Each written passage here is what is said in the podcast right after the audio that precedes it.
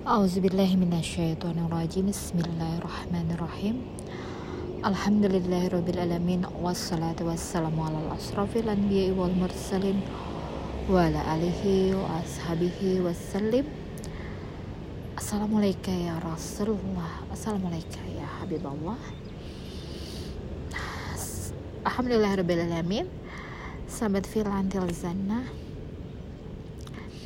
Habis nangis terbitlah terbitlah terang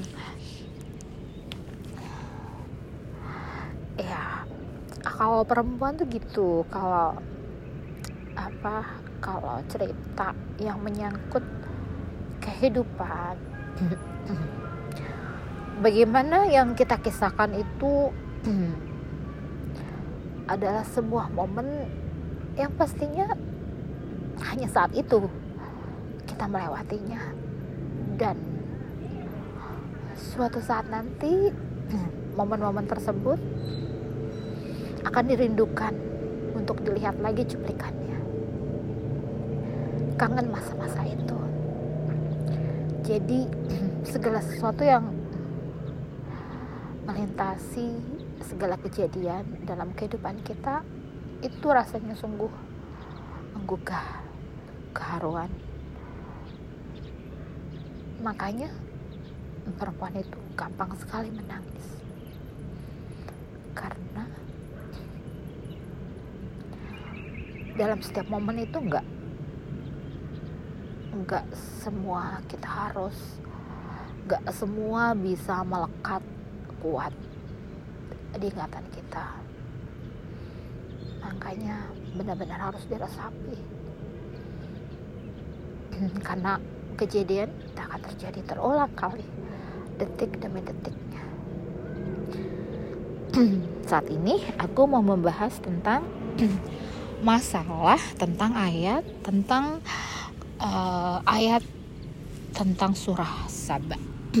Kita lihat ya. Ayat ke-14 Quran surah surah Saba ayat ke-14. Maka ketika kami telah menetapkan kematiannya, kematian atasnya, Sulaiman tidak tidak ada yang menunjukkan kepada mereka kematiannya itu, kecuali rayap yang memakan tongkatnya. Maka ketika dia telah tersungkur, taulah Zin itu bahwa sekiranya mereka mengetahui yang gaib, tentu mereka tidak akan dalam siksa yang menghina. jadi ya ayat ini yang menjadi dalil bahwa ya, tidak ada yang berurusan dengan Allah. Tidak ada yang berurusan dengan roh. Kecuali hanyalah Allah yang tahu. Ya. dan roh itu sendiri yang tahu bahwa dia telah meninggalkan jasad dirinya. Ya telah terlepas rohnya dari dirinya tidak hanya Allah lah yang mengetahuinya. Ya. Begitu juga dengan pernah yang aku pernah katakan tentang pada saat Allah memegang nyawa kita pada saat kita sedang tidur dan melepaskannya kembali. Nah di situ ya Allah tampakkan bagaimana setan tidak mengetahui bahwa rohnya itu lagi nggak di situ. Ya dia asik aja menari-nari membisik-bisiki menggoda yang sedang tidur. Padahal yang sedang tidur rohnya nggak lagi di situ. Lagi memandangnya lagi memandang yang sedang menggoda jasadnya. Sontak ingin balik lagi ya ingin balik lagi untuk menghalau agar setan itu pergi nggak deket-deket. Ya tapi itu sudah sunatullahnya memang setan ditugaskan untuk membisiki menggoda manusia. Ya jadi yang berurusan dengan roh hanyalah Allah.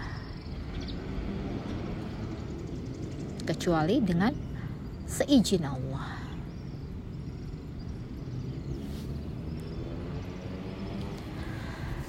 Andai saja jin memiliki seperti dikatakan di ayat ini